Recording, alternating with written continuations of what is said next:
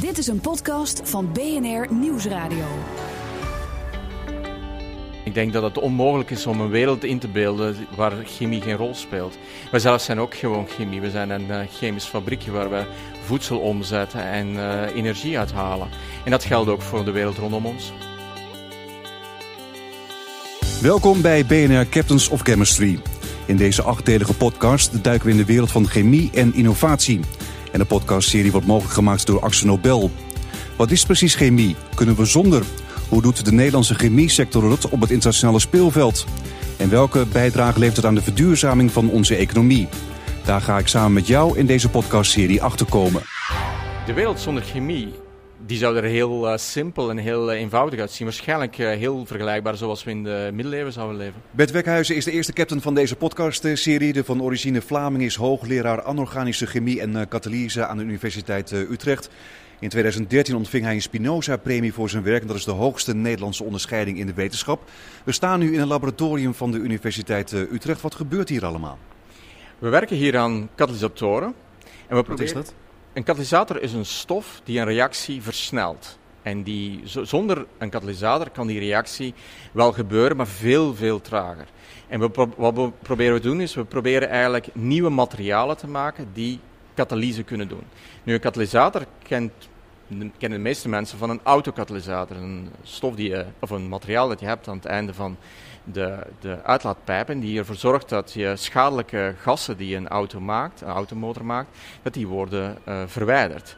Maar wij werken niet alleen maar aan autokatalysatoren. Eigenlijk de hele chemische industrie is gebaseerd op Waar kan je het allemaal voor gebruiken? Je kunt het gebruiken om brandstoffen te maken, je kan het gebruiken om meststof te maken, je kan het gebruiken om plastics te maken. Eigenlijk heel veel van de producten die we momenteel hebben, die rondom ons zijn, die maken gebruik van uh, katalyse. Wat je er ook voor hebt, is bijvoorbeeld voedingsmiddelen. Uh, de en, we kennen enzymes, enzymes bijvoorbeeld die momenteel in mijn buik zitten om ervoor te zorgen dat mijn ontbijt wordt omgezet uh, naar nuttige stoffen en energie. Dat is ook een katalysator. Dus katalyse is overal. Het versnelt het proces. Het versnelt het proces, het doet het selectief en hopelijk ook stabiel. Dat wil zeggen dat het ook een tijdje kan doen. U bent ook hoogleraar uh, anorganische chemie. Wat houdt dat in? Anorganische chemie is uh, een tak van de chemie. Je hebt organische chemie, dat zijn organische moleculen, en anorganische, anorganische stoffen. Anorganische elementen zijn elementen zoals silicium, aluminium, maar ook bijvoorbeeld goud, zilver, nikkel, koper. Dat zijn allemaal anorganische elementen. En wat wij proberen is uit deze anorganische elementen nieuwe, betere katalysatoren te maken. U heeft ook de Spinoza-premie gekregen voor uw werk op het gebied van uh, katalyse. Wat zou de chemie zijn zonder katalyse? Wel, ik denk dat uh, heel veel chemie onmogelijk zou zijn wanneer we geen goede katalysatoren hebben. Zonder katalysator zou een reactie soms heel, heel lang duren. Dan zou je naar een potje kijken en daar zit een, een, een reactievat, daar zit iets in. En ze gooien, daar heb je, zonder katalysator kan je naar kijken, kan het gewoon heel, heel lang niks gebeuren. En dan gooi je, dan gooi je er een, een, katalysator bij en dan gaat het gewoon uh, direct. Een mooi voorbeeld is van dat eh, als je uh, een fles wijn pakt en je hebt een fles wijn dan gaat die, en je hebt de fles openstaan, dan gaat er een soort verzuringsreactie. Dan ga je wijnazijn uiteindelijk maken. Nu, dat proces van uh, een goede rode fle een fles goede rode wijn en naar dat wijnazijn, dat gaat gelukkig traag zo traag dat je hopelijk de fles hebt al opgedronken voordat het wijn al zijn geworden is. Als je een katalysator gaat gebruiken, dan zou het heel snel gaan. Maar ik kan hier een paar katalysatoren hier uit de lab pakken en we voegen het gewoon toe. En je gaat een paar keer met je hand uh, het, uh, het, glas uh, wijn warm maken. En je gaat een paar keer de wijn ronddraaien. En dan heb je bijna direct, denk ik, wijn zijn. Dus dat is het voorbeeld waar, we, waar, je ziet dat het echt kan versnellen. Nu, dat is een voorbeeld van een proces dat je niet wil. Je wil geen wijn... Geen zure wijnen. Je wil niet uh, wijn naar wijn zijn, maar je wil het omgekeerde. Eigenlijk zou je willen zeggen, ik wil water of uh, um, sparoot, spuitwater zoals een Vlaming zou zeggen, dat zou, uh, wil je omzetten naar wijn of ethanol, alcohol. Dus kun je die reactie, die misschien wel bijbels is, waarin je CO2 en water, kun je daar iets van maken. En dat is iets waar we proberen aan te werken. We staan hier nu in het lab. Wat zien we hier allemaal? Je ziet hier uh, zuurkasten, opstellingen waarmee wij katalyse doen. Je ziet hier reactoren. En reactoren zijn eigenlijk een soort reactievaten waarin je een uh, stof toevoegt en ook een katalysator. En dan ga je dat op hoge temperatuur, hoge druk brengen. En bij hoge druk, hoge temperatuur kun je dan een bepaald proces, een chemisch proces, versnellen. Dus wat je hier hebt, is allemaal opstellingen die het mogelijk maken om katalyse te doen. Maar we hebben ook naast katalytische opstelling hebben ook apparatuur nodig om te bekijken hoe iets gaat. Want we doen niet alleen dat we een soort van uh, uh, black magic, dat je zegt van ja, ja je hebt een, een stof en dan voeg je een ander stof en dan uh, zie je, oh, er gebeurt iets. Je moet ook iets begrijpen waarom iets gebeurt. En omdat als je weet, als je het begrijpt, als je fundamentele kennis hebt, dan kun je eigenlijk ook heel gericht gaan nieuwe katalysatoren ontdekken. Wat, hoe ontdek je die dingen eigenlijk? Wel, enerzijds uh, chemische intuïtie. Je moet natuurlijk wel een beetje gevoel hebben van wat zou kunnen werken. Je kan niet alles bij elkaar uh, stoppen. Nee, dat denk ik niet. Want dan heb je ook waarschijnlijk uh, een boom en dan ontploft iets. En dat kan ook weer niet de bedoeling zijn. Dus je, wat je doet is je gaat nadenken van zou dit kunnen zijn. Maar daarnaast is het eigenlijk ook wel dat je moet kunnen zien hoe iets werkt. En uh, mijn métier, mijn uh, vakgebied is proberen met licht, met spectroscopie zoals dat noemt, om uh, chemische reacties in kaart te brengen en te begrijpen waarom een katalysator het heel goed doet. Een katalysator die het heel slecht doet. En met deze kennis proberen we nieuwe, betere systemen te ontwikkelen. Het is vooral heel veel testen. Ook, maar ook uh, fundamenteel begrijpen waarom iets niet werkt. Soms is het beter om zelfs te weten waarom iets niet werkt, want als iets niet werkt, dan kun je ook weten hoe je het beter kan maken. Dus het, het, soms leer je meer van je mislukkingen dan van je, van je successen. Wat voor baanbrekend onderzoek heeft hier allemaal plaatsgevonden? Och, wel, we werken aan heel veel dingen. We werken aan het hier en nu met fossiel en aardgas. We werken aan de toekomst met biomassa. Maar we werken ook aan wat verdere toekomst met CO2 en water. Dus het is een beetje moeilijk om nu te gaan zeggen, ja, maar laten we er eentje pakken. En dat is uh, bijvoorbeeld hier hebben we biomassa. En hier heb ik wat, wat is uh, boomschors. Dus, ja. uh, dus eigenlijk plantenmateriaal, is boomschors. En dat boomschors bestaat uit van alles. En een van de, de dingetjes die hierin zitten is een soort lijm, lignine. En die lijm die houdt deze biomassa, deze suikers, et cetera, die houdt die bij elkaar zodat het niet uit elkaar valt. Ja, zodat je een, een plant uh, gewoon sterk is uh, en, en, niet direct omwaait, zullen we maar zeggen.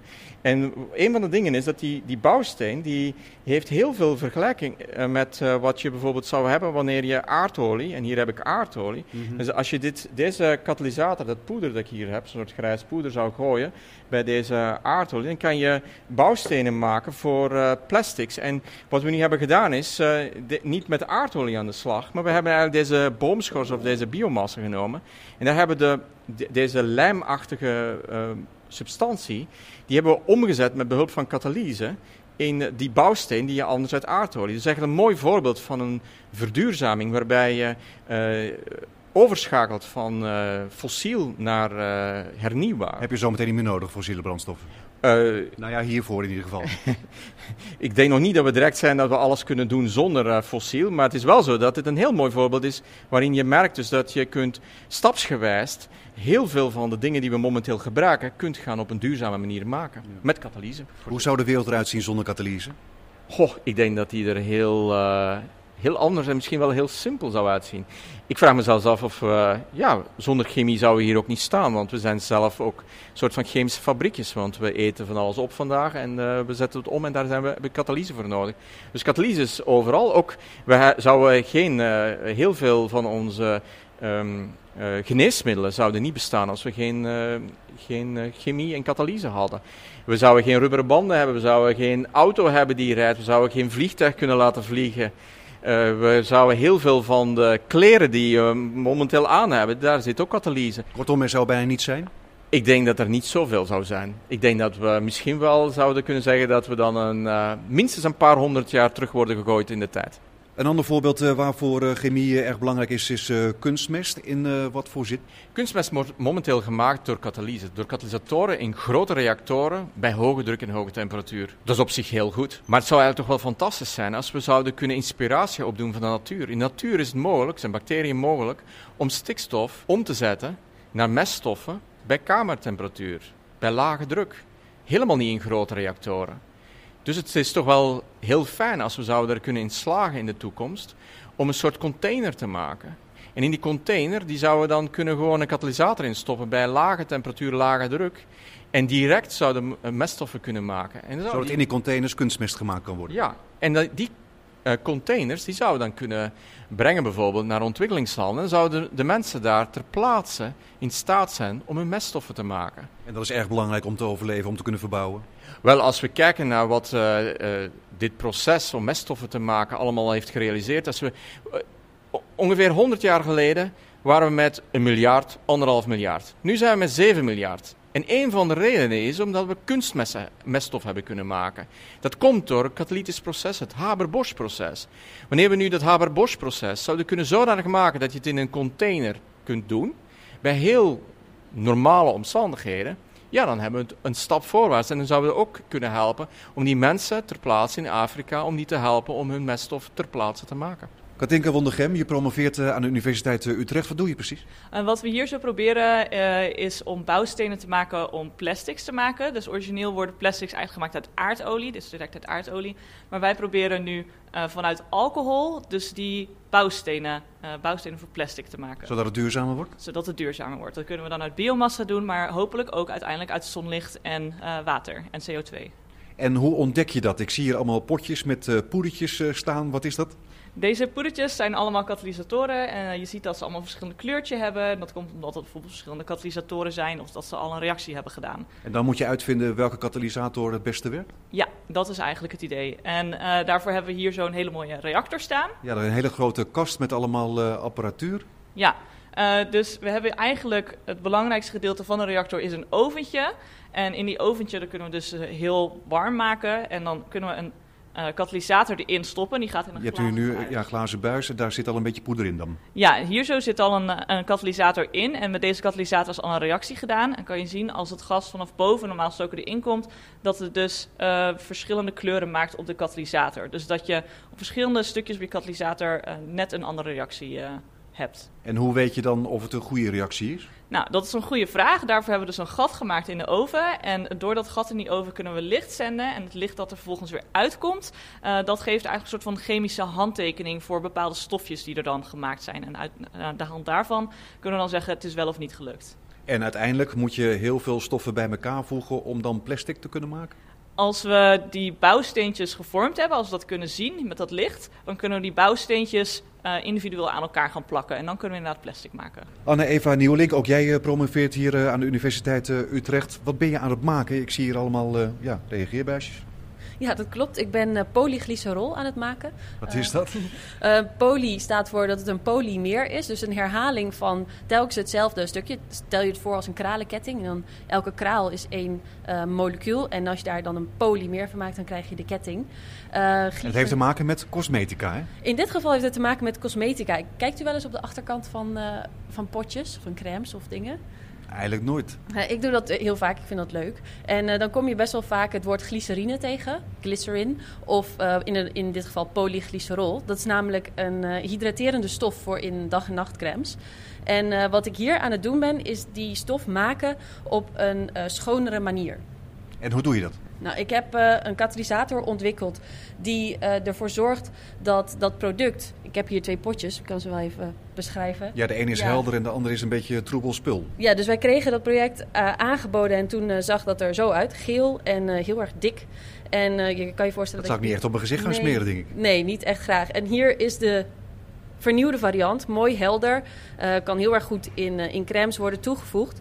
En een extra voordeel hiervan is dat de katalysator die we hiervoor gebruiken niet giftig is. En het product ook niet. Dat is ook wel handig hè, als je dat op je gezicht Ja, smeert. inderdaad. De gele kleur die we hier zien, dat is, eh, dat is een giftige stof die erbij in is gekomen. En wat wij dus hebben gedaan, is een katalysator ontwikkelen die dat, dat product schoner en eh, kleurlozer maakt. Waardoor het beter als toevoeging van eh, crèmes eh, kan dienen. Je hebt ook patent op aangevraagd, hè?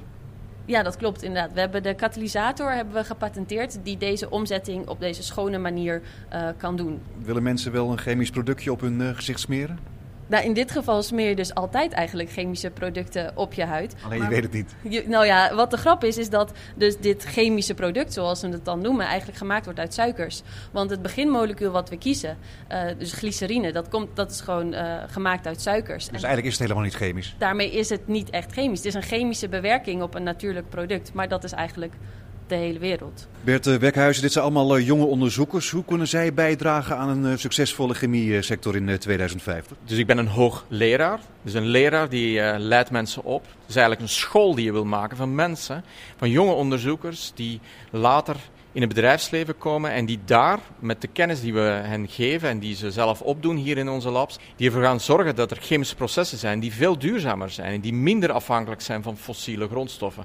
En dat is eigenlijk een soort van ja, leermeester-student. en zij zijn de, de ambassadeurs, zij zijn de, de, de nieuwe generatie die het gaat mogelijk maken om die duurzame, die transitie mogelijk te maken. En ik ben heel optimistisch dat de mensen die we momenteel opleiden, dat die dat ook gaan echt kunnen ook doen in de praktijk. Ja, binnenkort is de wereld duurzaam door eh, dit soort ontwikkelingen. Het, het gaat stapsgewijs. Ik denk niet dat eh, Rome is niet in één dag eh, gebouwd. Dus het, we, zullen, we willen er voor zorgen dat het een stille revolutie is. Je zou eigenlijk willen dat de consument er helemaal niet zoveel van merkt. En Dat het een helemaal geleidelijke overgang wordt. Geleidelijk misschien, maar het kan ook snel. Ik denk dat we als we doorbraken hebben, dat we die ook moeten direct implementeren. Maar je wilt het zodanig hebben dat we gewoon alles wat we momenteel hebben, de, de materialen, de kledingstukken, de, de, de, het eten dat we hebben, je wil eigenlijk gewoon het doen zonder dat we inboeten op de kwaliteit van ons leven. We willen zelfs misschien de kwaliteit van ons leven doen toenemen. Ik denk dat er misschien zelfs meer chemie is in 2050 dan nu. Maar wel misschien een ander soort chemie waar we op een andere manier proberen met andere grondstoffen, meer duurzame, groene grondstoffen, proberen onze samenleving te maken en te bouwen. Waar kan Nederland zich op het gebied van eh, chemie nog meer in onderscheiden? Ik denk dat we heel goed zijn in materialen. En in het eh, ontwikkelen van materialen en ook eh, materialen die ik zeggen, reageren op de omgeving. Denk bijvoorbeeld aan verf of coatings.